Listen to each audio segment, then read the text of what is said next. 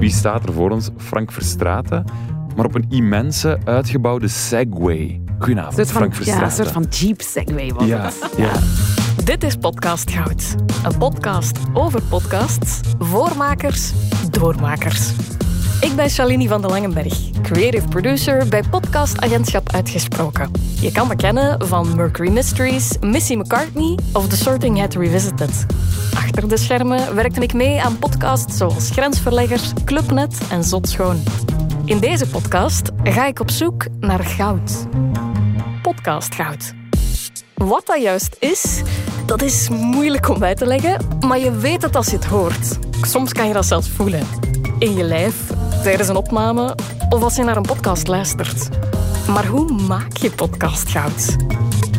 Waar vind je de verhalen? Hoe herken je een gouden idee en hoe ga je ermee aan de slag? Ik vraag het aan de goudzoekers, de makers zelf dus in feite, van al die geweldige podcasts. Welkom bij Podcast Goud.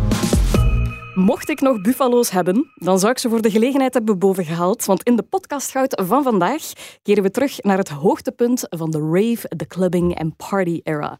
Met podcastmakers Rick de Bruiker en Lisa Smolders. Hallo allebei.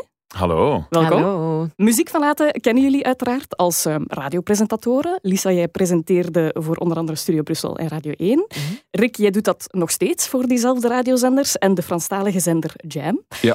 Maar blijkbaar is de honger naar audiocontent daar dan nog steeds niet mee gestild, want daarnaast zijn jullie ook een podcast-duo, Mhm. verenigd in het productiehuis van Leeuwen en de Bok. Ja, dat klopt. En ik denk dat dat is omdat wij eh, indirect al samen aan het werken waren en dat we feedback gaven op elkaars dingen. En dat we dan door hadden van, dat werkt eigenlijk heel goed. Laat ons gewoon daar echt iets van maken. En met echt was dat dan, laat ons een website maken. en daar is het mee begonnen, van leeuwenendebok.be, voilà. En dan is het echt een tandem geworden tussen ons twee. Jullie hebben al heel wat podcasts gemaakt, onder andere voor Knak Weekend en De Tijd. Maar opvallend, binnen dat portfolio zitten er toch heel veel muzikaal geïnspireerde podcasts. Jullie lijken zo'n beetje een niche binnen de niche te hebben gevonden. Mhm. Is dat een doelbewuste keuze geweest? Ja, als in, dat is echt onze passie altijd al geweest. Zowel bij Lise als bij mij. Het gaat heel vaak over muziek bij ons thuis. We praten over muziek en wij willen daar heel graag verhalen in vertellen. En als je dan een vraag krijgt om iets te maken over, ik zeg maar iets, Wannes van de Velde, ik kunnen niet harder beginnen kwispelen dan dat. En ik van, ja, tuurlijk, immens graag dat wij iets willen maken voor van, allee, over van de Velde. Iemand die wij kennen, waar we wel muziek van hebben gehoord, maar die we niet per se heel goed kennen of zo. Maar dat geeft dan de ultieme kans om dat keihard in te duiken. Lisa is dan iemand die dan al die boeken uit de biep gaat halen en die van buiten eh, begint te blokken bijna. En de box dat helemaal luistert met speciale Ja. draailier, Effectief. extra's. Dus, dus ik denk dat het is eh, echt zo. We gaan al sowieso hard in muziek. En als we het dan ook nog eens kunnen doen in echt een vertelvorm, want dat is de podcast uiteindelijk, om daar echt een goede vertelling van te maken en andere mensen te enthousiasmeren over die bepaalde muziek, ja, super graag. Ja, ja. Win-win is dat. Een specifiek stukje van jullie hart lijkt ook echt gereserveerd voor Studio Brussel. Want daar zijn, als ik goed tel, vier, vijf podcasts uit voortgekomen. Dat kan wel, ja. Ja, ik heb nog niet de, de telling gedaan. 40 jaar AB, Ja, klopt. eh, 25 jaar Fuse, ja, oh ja. Family Affair, ja. The Legend of Cillian. Ik Ja. weet niet of dat ik er nu een mis. Nee, Nee, ik denk dat ze dat, dat zullen ze zijn, ja. Ja, de recentste samenwerking daarvan is uiteraard The Legend of Cillian. Daar wil ik vandaag dieper op ingaan, een eigen deep dive doen. Maar ik wil ook even nog terugkomen op jullie specifieke samenwerking. hè, Want je zei al, Lisa, jij duikt in de draailieren eh, van de wereld. Ehm, jullie zijn een productiehuis met z'n tweetjes. Maar wat moet ik mij daar precies bij voorstellen? Is dat heel duidelijk wie wat doet en wat niet? Zit daar een duidelijke rolverdeling in? Ja, nee, het is wel allee, geweldig natuurlijk dat je met z'n tweeën bent, dat je dingen altijd kan aftoetsen. Want ik heb vroeger ook nog gedacht van, ah, ik wil alleen niet doen of zo. Of, maar je hebt altijd wel iemand nodig hè, die een beetje op dezelfde lijn zit, die eh, een spiegel kan zijn of die eens kan luisteren. Want eh, dat weet jij ook, als je zo acht uur hebt gemonteerd aan een stuk, na een tijdje weet je het ook Nee. totaal niet meer. Dan weet je van, amai, ofwel is dit echt goud, ofwel is het echt afval. Zo. dus eh, je hebt wel sowieso elkaar nodig. En meestal is het wel zo dat er één iemand is die één zeker project inhoudelijk trekt en dat dan de andere meer de vorm doet. En dan muziek en afwerking en dit en deze. Mhm. Eh, en vice versa. Zo. Dus dat is, zo, dat is ook een beetje die En, realiteit. en waar hangt dat dan vanaf? Wat bepaalt van, oké, deze ga jij trekken en hier ga jij vormelijk mee aan de slag? Ik denk dat dat heel vaak gewoon een soort van gevoel is in het begin. Als in, dit project ligt het meeste bij mij. En dan wordt dat eigenlijk heel snel duidelijk waar het die rollen liggen. En je kent natuurlijk ook gewoon elkaar sterktes na zo lang. En, En ik bleek ook de grootste Marina te zijn van ons twee. Dus, Dus eh, Zillion, ik, eh, Zillion was mijn project. ik heb trouwens wel, ik moest eraan denken, want hij zei Buffalo's. Ik heb na het project, het eerste wat ik heb gedaan is eh Buffalo's gekocht. Oh. Op, op tweedehands wel. Heerlijk. Ik weet niet of ik dan een echte ben. Ik weet niet wat dat nee, is. een tweedehands Marina. Een tweedehands. Ah, voilà. Kijk. Ja, het gaat ongetwijfeld ook duidelijk worden, hè, inderdaad, die rolverdeling bij The Legend of Zillion, aan de hand van de fragmenten die jullie ook hebben meegebracht. Een podcast van jullie dus, Rick en Lisa, voor Studio Brussel. Genomineerd ook voor de Kastaars, onder andere de Vlaamse Mediaprijzen, voor radio, tv en digital. En de podcast, die volgens de cijfers een van de best beluisterde podcasts was op VRT Max van 2022. En dat was wel heel leuk, hè? Want dat Ja. is eigenlijk de eerste keer ook dat we een podcast hebben gemaakt die zo breed beluisterd is. Mhm, mhm. En dat was natuurlijk ook wel eens fijn, gewoon, hè, dat je hard dan niet hebt gewerkt. En dat dan toch ook heel, ah ja, En dat het dan bij een publiek terechtkomt Ja. die daar ook echt plezier van heeft. Ja, Want dat, dat was wel het leuke. dat- We kregen veel reactie van mensen die daar echt zeiden van wauw, of het was te kort, ik wou meer. Of wat een trip. En, en, en zo'n ding, dat, ja, dat is kei tof om te horen. Ja, het zal wel zijn. Sowieso podcast goud dus, niet alleen naar mijn maatstaven. En vandaag gaan we uitzoeken waarom.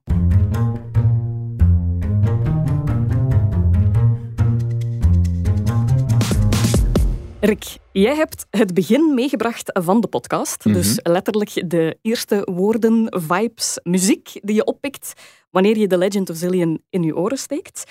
Dat laat ik zo meteen horen. Maar first things first, waarover gaat The Legend of Zillion? Eh The Legend of Zillion gaat over de, de Antwerpse discotheek Zillion. Een club die eind jaren 90 tot begin 2000 eh, Antwerpen op zijn kop heeft gezet. En niet enkel Antwerpen, maar de hele uitgangscultuur. Eh, dankzij Frank Verstraeten, de oprichter, die met megalomane ideeën een soort van circus heeft gecreëerd met de naam Zillion. seks, drugs en rock and roll is Ja. dat verpakt in podcastformaat. En dat moet je horen vanaf de eerste seconde. Iedereen zag dat geld vliegen en iedereen liet dat vliegen. Dat vloog allemaal in de, in de lucht rond, dat geld.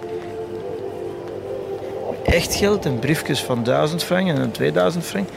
En dat bleef maar rondvliegen. Er waren mensen die pakten dat geld van de grond met echt tienduizenden Belgische franks. En die gooiden dat opnieuw in de lucht.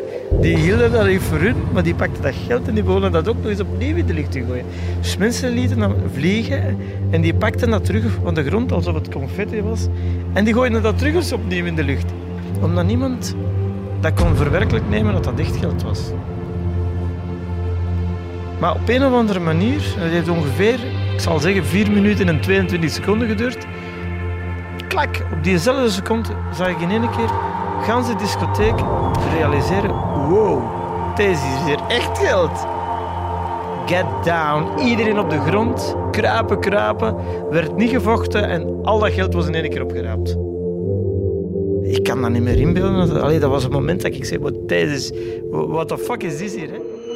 Rick, waarom koos jij voor dit fragment? Eh, waarom koos ik er voor verschillende redenen? Eh, Zowel montagegewijs, denk ik, is één reden. En een andere reden is, ik was erover aan het nadenken, want ik kreeg- dan vraag, wil jullie uitgebreid komen praten over The Legend of Zillion? En dat was best grappig, want wij hebben die podcast op heel weinig tijd gemaakt. Moeten we er wel echt bij zetten. Op 40 dagen is die podcast in elkaar gestoken. Dus, Voor alle duidelijkheid, voor mensen die dat niet weten, dat is waanzinnig ja, weinig. Hè? ja, dat is veel te weinig Ja. voor dit soort montages of dit soort vertellingen of dit soort documentaire eigenlijk. Dus er moest heel snel ook een concept gelegd worden.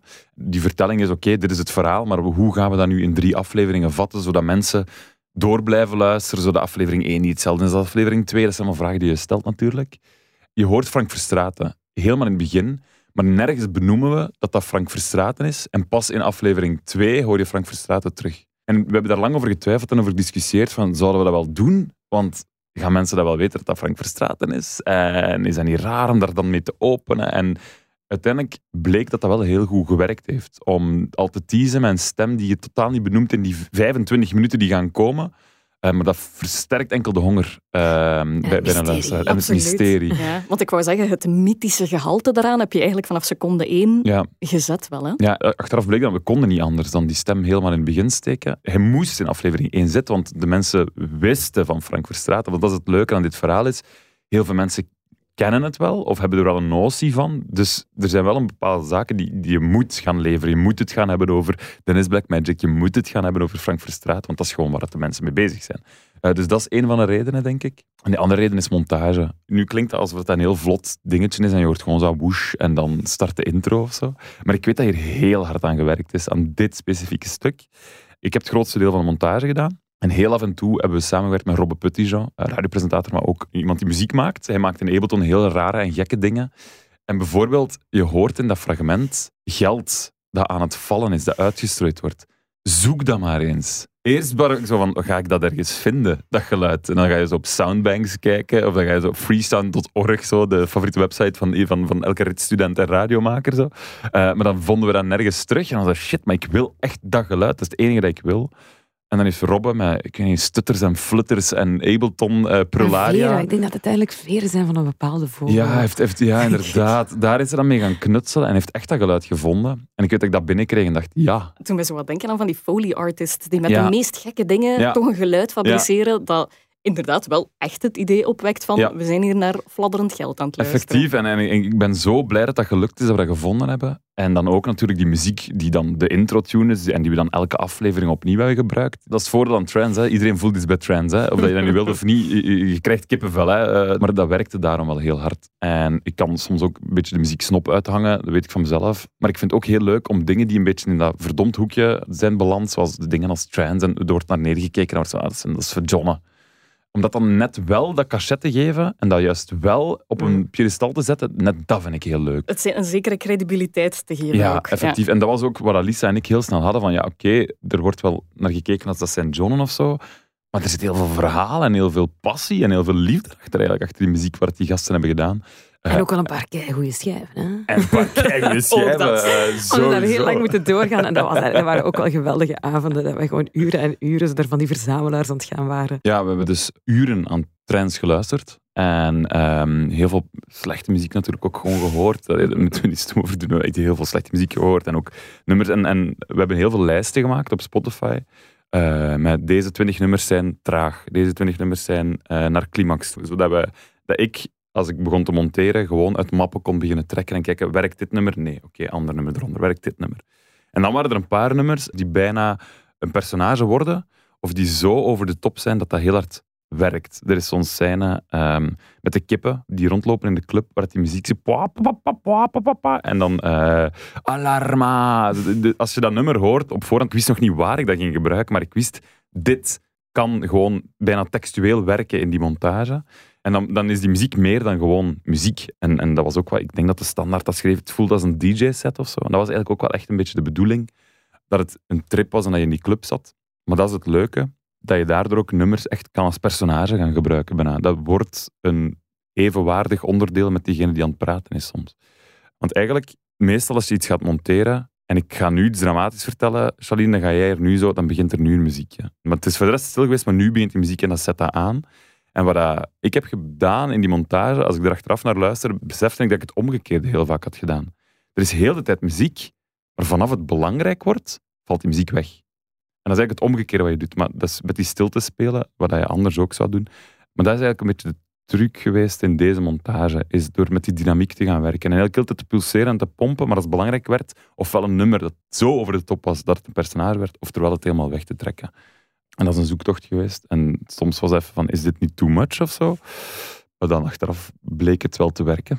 dus dan was het wel oké, denk ik. Maak van je muziek een personage. Ja, niet altijd, hè, want dat, dat, werkt vaak niet. Hè. Allee, dat kan heel over de top en komisch en slecht worden ook heel, op die manier. Maar hier hadden we natuurlijk de kans met het onderwerp dat dat kon en dat dat mocht. En het verhaal is over de top. Dus laten we daar gewoon nog wat extra steroïden in spuiten. Het onderwerp moet ook de vorm volgen, natuurlijk. In dit geval zou het helemaal niet geklopt hebben als er een mooie pianomuziek onder had gezeten, bij wijze van spreken. Nee, nee, nee, effectief. Ja, de vorm volgt eh, de, de inhoud altijd. Hè. Het voordeel is, die trance is zo dynamisch en zo ja, pathetisch met momenten, dat je dat echt kan gebruiken in, in deze over-de-top vertelling natuurlijk. Muziek als uh, storytelling device. Ja, toch wel.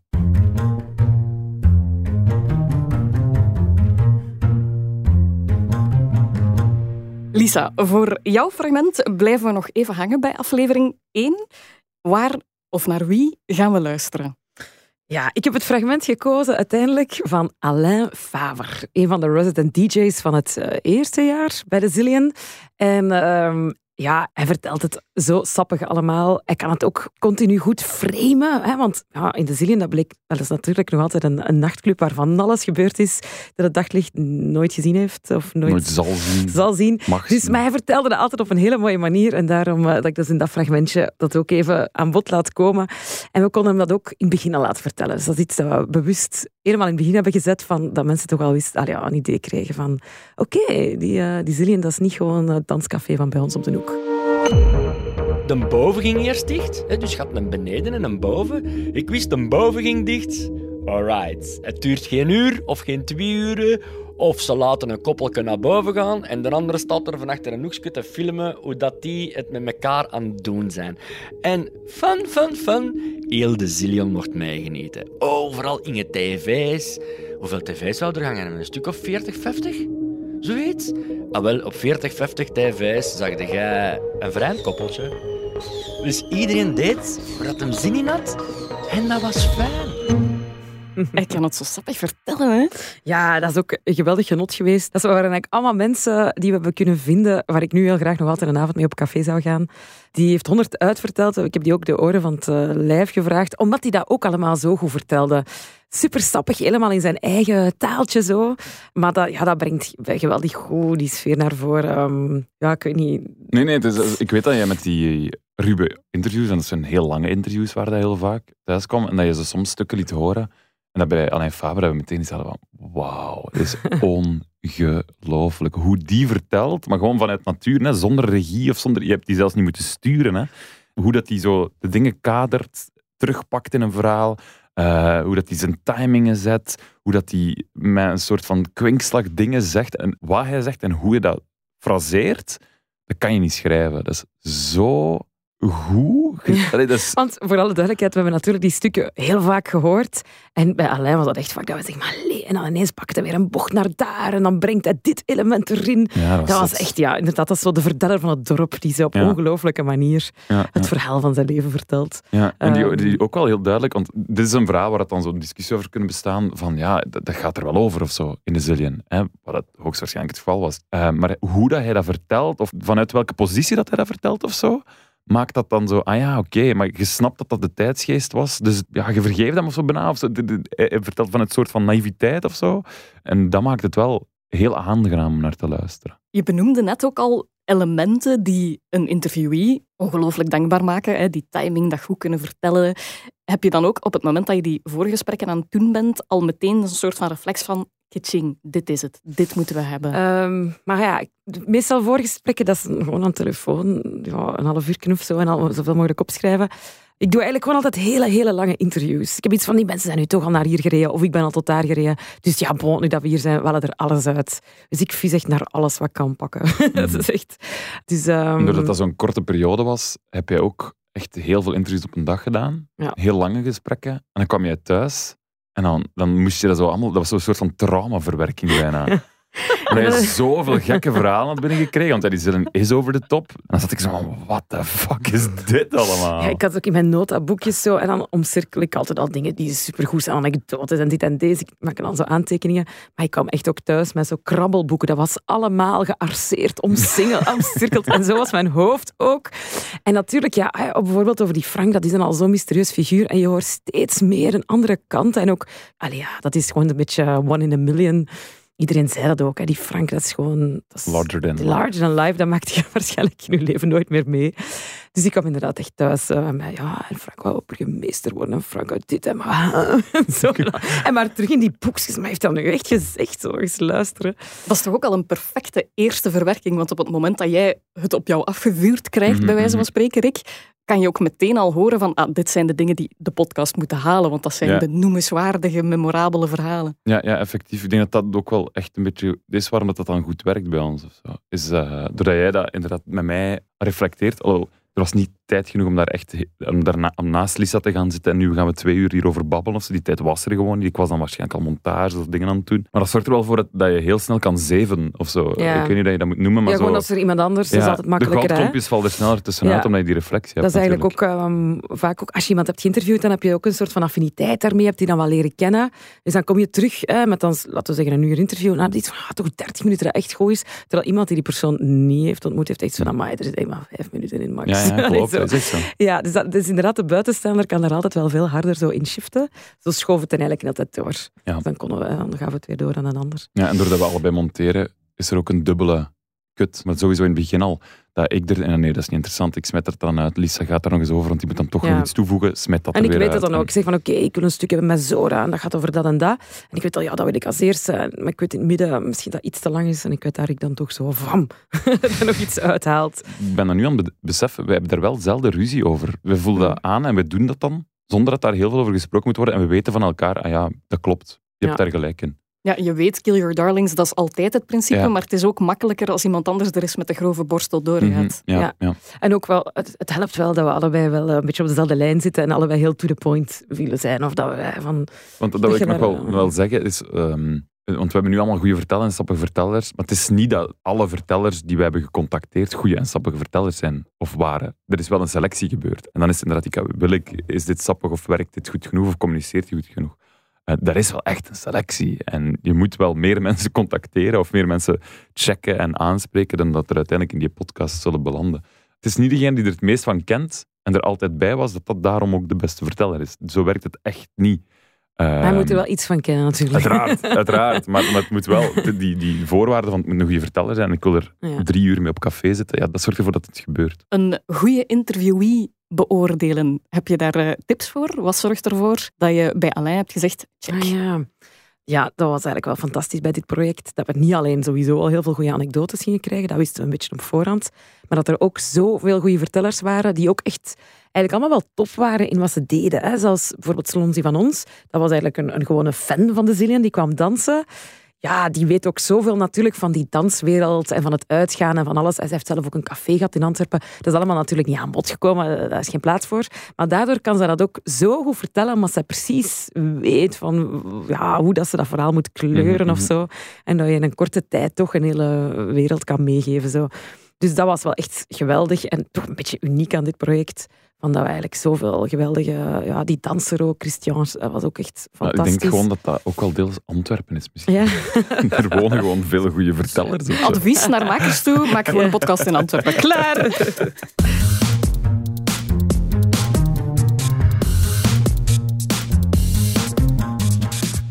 We kunnen het niet hebben over Zillion zonder het te hebben over Frank Verstraeten, dat is al duidelijk. Het mastermind achter de discotheek in Antwerpen. Frank is niet alleen bekend, maar ook berucht, uiteraard. Ik heb een fragmentje bij waarmee ik het heel graag wil hebben over zijn personage. Het is een rol, denk ik, waar dat hij zichzelf ook heel erg bewust van is. Of toch tenminste, dat idee heb ik als ik hem bezig hoor. We luisteren naar Frank, die zichzelf verantwoordt in aflevering 3. Er moest al niks meer gebeuren dat een journalist zou zeggen, We hebben gehoord dat er dat gebeurt. Nee. Er gebeurden zoveel dingen en stoten en accidenten en weet ik wat allemaal. Dat die journalisten al gewoon wekelijks belden op maandagmorgen. Frank, eh, wat is het nieuws van het weekend? En oh, het was niks, het was iets. Allee, die, die, die, die, het was gewoon krantenvulling. Het was precies een soort uh, vaudeville, een soapserie. En dan werd ik natuurlijk allee, opgevoerd als, als een object eigenlijk. En niet meer als, uh, als nog een mens eigenlijk. We horen hier Frank Verstraeten zijn versie van het Cillian-verhaal vertellen met, laten we zeggen, enig gevoel voor dramatiek ook, want dat is hem niet vreemd. Ik las in een artikel dat hij aanvankelijk niet stond te springen voor ja, de hele media die dat er is rond ontstaan. Die mens was, laten we zeggen, semi in de luwte verdwenen. Ja. Maar wat dat jij zegt, Rick, je kan geen podcast maken over Zillion zonder Frank te laten horen. Hè? Heeft dat nog overtuiging nodig gehad? Goh, in de trailer bijvoorbeeld, die we hebben gemaakt, zegt hij ook letterlijk: This is the only podcast and the one and only podcast voor Studio, Br Studio, Studio Brussel was. het. Zo, dat is echt letterlijk de quote denk ik, die in de trailer zit. Dus toen wij zijn gaan interviewen, was het nog voordat de film uitgekomen is en voordat hij vijf keer per dag op HLN stond. Dit is de one and only podcast van Studio Brussel. Er gaat nooit nog één podcast komen in gans mijn leven. Het is de eerste en de laatste. Ever. Het is een immense rage geweest. Wat natuurlijk voor ons ook voordelig was om die podcast te laten leven. Ik denk dat hij erin moest zitten, sowieso. En dat we het voordeel hadden natuurlijk dat Studio Brussel een samenwerking had met uh, de film. En dat Lisa heel snel in contact is gegaan met Robin. Robin, Robin regisseur. Pronte, regisseur. Ja. Uh, en dat die wel snel het vertrouwen had van oké, okay, ik denk dat dit wel iets goed kan worden. Ik zal Frank vragen of hij het wil doen. En dan heeft Frank ja gezegd. Hè? En dan met de one and only interview, dat is dan niet waar gebleken, want hij heeft daarna nog wel van alles gedaan. Maar als, het is wel de enige podcast waar hij zit. Dat woord heeft hij wel gehouden. Wat ik hier ontzettend boeiend aan vind, of beter, waar ik vooral benieuwd naar ben, zijn de gesprekken die hieraan voorafgaan tussen jullie twee als makers. Ja, daar hebben we inderdaad wel veel gesprekken over gehad. Hè? Maar het idee, altijd wat bij ons uh, heeft uh, bovengedreven, is dat Frank ook wel allee, fantastische ideeën uh, heeft gehad, dat in de werkelijkheid heeft gebracht. Ja, ja. En ook wel, ja, dat hoort ook al gewoon in de gesprekken met, met iedereen die er heeft gewerkt en die er is geweest van wauw, dat is een man die zoveel kan en gedaan heeft, die droomt en maar dingen ook gewoon doet. Dat uitvoert, dat is op zich al crazy. Maar er is natuurlijk ook een andere kant, hè, dat je dan weet van oké, maar die heeft ook al echt in een bak gezeten, die heeft dingen gedaan die gewoon echt nou ja, niet wettelijk zijn en zo. Dus um, dat was bij ons ook wel uh, spannend om te gaan, want ik denk ook dat het enige interview dat wij samen hebben gedaan. uh, ik had toen iets, ik ga toch Rick meenemen, uh, want ik had ook wel schrik omdat hij zo'n techneut is, Frank Verstraten dat als mijn opnamemateriaal zo ineens iets raars zou doen of zo, dat hij zoiets uit van alleen masker, jong. Dus um, ik dacht van ja, we zijn maar beter met twee. Ja. Dus toch allebei met trillende handen als ze een nieuwe memorykaart kunnen uithalen of zo. Ja. Dus dat was wel spannend, hè? dat moet je wel zeggen. Maar dat was dus wel een bewuste keuze van hem als laatste te interviewen, dat we eigenlijk al zoveel als mogelijk verhalen hadden over hem en Mhm. die hadden om hem ja, te bevragen. En dit stuk specifiek, waar er dan zo zichzelf weer als een soort van Calimero opstelt, ja, dat tekent gewoon zo hard het figuur Frank Verstraeten. Allee, want dit komt nadat er andere mensen natuurlijk al verteld hebben hoe hij de pers bespeelde. Hè? En dat is dan zijn reflectie daarop natuurlijk. Dus als luisteraar neemt je dat ook met een korrel zout. Uh, je gaat hem niet meteen geloven. Ja, dat, dat is echt je karakter inkleuren dat je daar doet. Dat is echt Frank Verstraeten die diepte geven. Ja, want we hadden echt ook met Frank drie uur opnamen of zo. Ja, echt lang. En dat was eigenlijk allemaal fantastisch. Dat was ongelooflijk. Er zijn echt verhalen die, die dan niet in die Dat was echt zitten. een topavond ja. voor mij persoonlijk. Ik vond dat echt geweldig, want hij is ook echt niet normaal om hem te ontmoeten en om Ja, want ik weet nog, ik even vertellen hoe dat we dat... eh, het is wel een grappig verhaal uiteindelijk. Frank Verstraeten werkt nog steeds in de business, als in hij heeft een bedrijf van LED-schermen. En eh, hij wil ons dan ontvangen bij hem thuis, s'avonds ergens op een donderdag of vrijdagavond. Dus wij er naartoe eh, en we komen toe en dat is echt een immens bedrijf met zo camionkades en dat is echt gigantisch. En daar ergens aan een hoek moeten we gaan aanbellen, we duwen op die bel en dat is meteen al zo een bel met een robotstem. Please wait a while. We're coming to the door to get you. Zo van die, dat je denkt van, wow, wat is dit voor raar technologische bunker waar ze naartoe komen? Ineens horen we zo alsof er een robot of zo richting de Ja, deur wandelt. dat het een robot ging Ja, want we hadden de natuurlijk die verhalen al gehoord van dat er Ah. in de zillie een robot was en zo. Dus wij zo, wat gaat hier gebeuren? Ah. En uiteindelijk gaat de deur open. Wie staat er voor ons? Frank Verstraeten. Maar op een immense, uitgebouwde Segway. Goedenavond, Frank van, ja, Verstraeten. een soort van Jeep Segway was ja, het. ja. en dan geeft hij ons een hand en dan zijn we vijf meter, want meer moesten we niet. Hè. Vijf meter is hij dan naast ons meegereden op die Segway om naar die plek Ja. te gaan. Ehm, maar het heeft ons wel echt heel uitgebreid ontvangen en op alle vragen eigenlijk bijna antwoorden gegeven. Die was super charmant. Die was super charmant. En die heeft ons drie uur lang meegenomen naar die Zillion-tijden. Ja, en het hielp ook wel dat hij een geweldige verteller was. En ja, dat hij daar zelf ook wel, denk ik, goed over nadenkt van Ja. hoe hij, hij dat allemaal gaat uitleggen en hoe hij zich gaat daarin zetten. Maar Ja, vandaar Dus, dat ik ehm, zei dat ik het gevoel heb dat hij ook wel beseft dat hij Ja, een ja, ja. personage is in wat Mhm. Jullie hij is- brengen. Hij is echt de perfecte woordvoerder voor zichzelf. Hè? Ja, ja. Dat hij dan vertelt ook van, ehm, ik heb dan in een- in een bak gezeten en iedereen vraagt me van, hoe was hij in de gevangenis?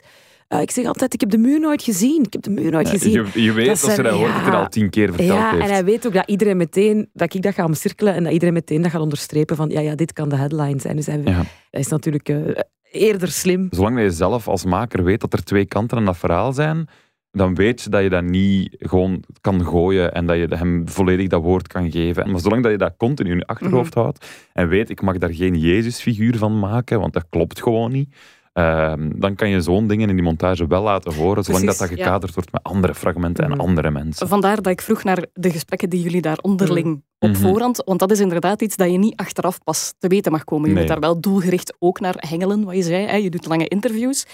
Je zoekt in dat opzicht dan een soort van balans tussen journalistiek misschien enerzijds en storytelling anderzijds. Ja. En hoe zoek je dan die balans? Ik denk, nu hadden we ook wel een beetje het voordeel, maar dat ga je waarschijnlijk vaak hebben als podcastmaker, dat je echt een opdrachtgever hebt. En dat je een beetje vanuit die opdrachtgever kan denken van, ik moet binnen dat kader blijven. En Studio Brussel is, hè, profileert zich als een muziekzender. Ze wisten ook van, oké, de Zillion, de willen eigenlijk vooral ook het verhaal brengen van die lifestyle van toen, hè, in binnen die discotheek en wat dat toen allemaal betekend heeft. Maar ja, dus Frank Verstraeten is daar zo onlosmakelijk mee verbonden.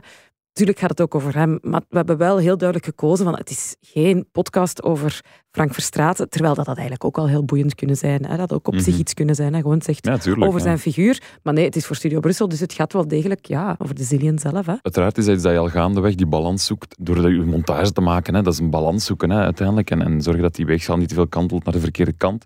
Maar wat we wel op voorhand wisten, is dat we dat Dennis Blackmagic, dat we die echt niet wilden spreken. Dat we die geen podium wilden geven. Gewoon wetende wat hij heeft gedaan eh, en welke feiten er allemaal waren.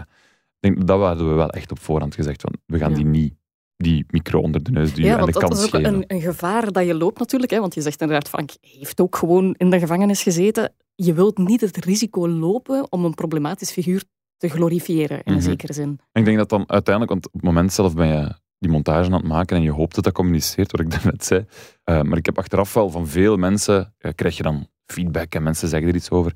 En vanaf dat, eh, van een zot, van een maft, maar een super onaangename, eh, eh, zelfingenomen doet. Dus als je zo'n ding, dan was het van, ah ja, oké, dat kan er ook uitkomen. Perfect. Dat is wat we wilden Ja, horen. dat was een zo. beetje spannend wel. ja, dat was wel spannend zeggen. wel. Na een tijdje wisten we het ook niet meer van welke woorden geven wat nog als gevoel. En, Ja. en ook natuurlijk wat Frank er zelf van vond, want die moest dan ook wel nog de podcast helemaal beluisteren en zijn eh, fiat geven. ja. Ehm, dus dat was ook nog even spannend, want ik dacht ook van ja, er zitten ook heel veel vage verhalen in. Maar die vond het dan eigenlijk wel heel goed. Hè? Ja. Die was super content. Dat was wel echt geweldig om dat ook... eh, In hoeverre Ja, krijgt iemand als Frank Verstraeten dan ook echt zeggenschap over wat de deur uitgaat uiteindelijk? Ja, hij heeft eigenlijk gewoon zeggenschap over zijn eigen interviews. Beetje zoals iedereen. Van dus niet meer of niet minder dan dat. Maar natuurlijk, ja, als hij ineens zou zeggen van nee, eh, met dit eindresultaat ben ik absoluut niet eens. Dus alles van mij moet eruit. Dan moet je natuurlijk wel alles opnieuw gaan, eh, gaan Ja. maken.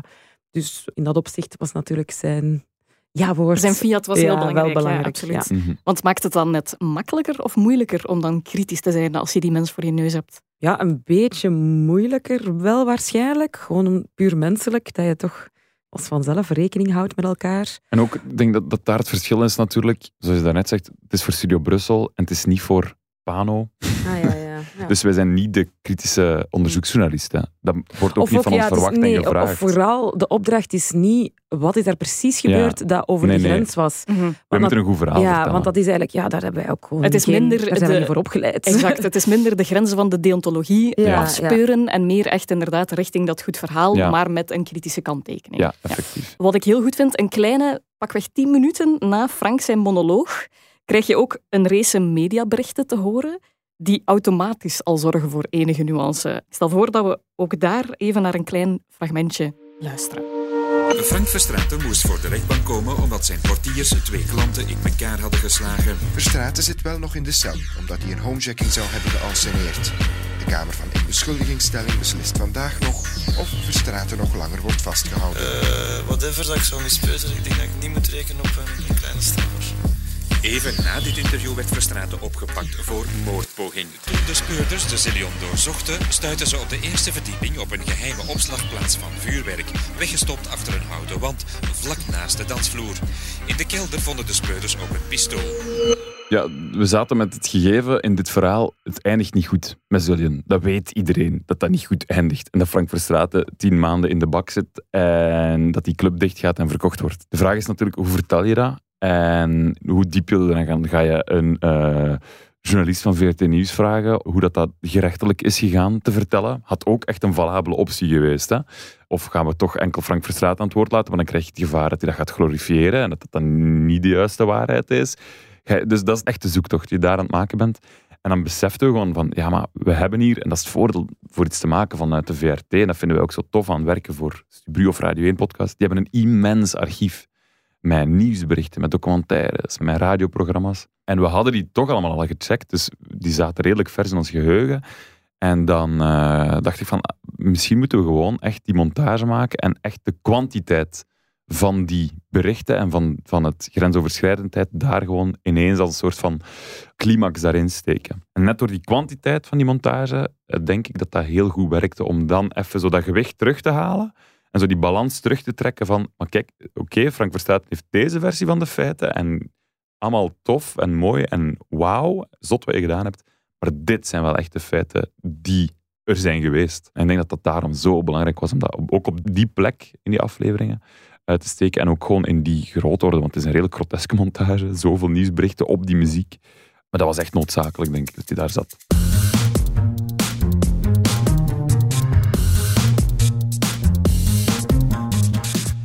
Rick, Lisa, we weten ondertussen al waar jullie belang aan hechten bij het maken van een podcast. Welke elementen er voor jullie aanwezig moeten zijn om een verhaal echt sterk en pakkend te maken in audio. Ik vermoed dat die voorkeuren ook impact hebben op waar jullie persoonlijk van genieten in podcasts. Dus luisteren jullie anders naar podcasts vanuit een bepaalde invalshoek? Ja, ik hou van dingen die heel goed in elkaar zijn gestoken. En aangezien ik iemand ben die heel graag monteer, is mijn, ja, toch uiteindelijk misschien wel echt mijn allerfavorietste podcast, is Richard Famous Food Podcast. Dat is een Amerikaan, Richard Parks III, dat is zijn naam. Uh, een groteske naam. veel ja, naam. een super over de top naam voor een over de top kerel. Eh, en hij heeft een food podcast, eh, waar hij eigenlijk alles doet over pickled food. Het is zo meta, heel vaak. Eigenlijk alle afleveringen. Ja, ik vind dat heerlijk, want dan gaat het bijna enkel over vorm. En het is ook heel grappig en zijn montages zijn ja, met momenten bijna geniaal. Ja, dat het eigenlijk over die augurken en pickled food gaat, is eigenlijk bijzaak. Hè? Het is bijna bijzaak, maar toch klopt de vertelling ook wel altijd. Ondanks dat er 17 eh, koortjes klinken, gekke rapstukken tussen zitten, dat hij heel tijd met zichzelf aan het lachen, valse reclames ertussen steekt. Eh, de laatste aflevering bijvoorbeeld heeft hij gewoon vormelijk totaal de vorm van zo de Who Done It eh, Zoektocht. zoektocht-podcast, persoonlijke zoektocht, die nu heel populair is, ook bij ons. Heeft hij die vorm over, totaal die vorm, klopt alles wat hij doet, klopt met de juiste muziek, de juiste stemmen. Maar het gaat over, ik heb een leeg zakje ketchup in mijn eten gekregen. Hoe komt dit? Zo snap je, hij maakt er zoiets zo belachelijk van, maar de vorm klopt. Ja. En ik vind, dat, ik vind dat hilarisch. Ik vind dat echt hilarisch. Het is ook een passieproject. Hè. Het, is, het is mijn favoriete podcast, maar er zijn over de laatste vijf jaar misschien 17 Mhm. afleveringen uitgekomen. Je weet nooit wanneer dat er een nieuwe gaat komen. En als er een is, dan is dat meteen van wauw, ik wil dit gehoord hebben. Maar het is volgens mij zo intensief ook om te maken. Dus- Ook om te luisteren, Ja. in een zekere zin. Het- Ja, het voelt voor 100%, mij ja. als een podcasterspodcast. In die Ja, zin dat ja, ja, eh, dit bijvoorbeeld is ook enorm niche. Interesseert ook vrijwel alleen maar makers. Ja. En dat is er ook zo eentje. Die, die vorm is zo meta, zo bizar. Dat is een wereld waar dat je moet instappen. Het is Mhm. geen laagdrempelige podcast. hè. Nee, nee, 100%. Nee, nee, nee, effectief. Dat is- ik heb die aan heel veel mensen al proberen doorsturen. Ik heb die doorgestuurd. En ik heb zelf tot nooit reactie gekregen. Ja, ik heb het voordeel, ik, ik geef les ook. eh, en dan laat ik dat horen, want dan, ja, die moeten dat dan wel naar luisteren. Gewoon Eh, opdringen. Ja, voilà, opdringen. zo Dus moet je het doen, Ik zet ja. dit op, dus jullie gaan nu luisteren.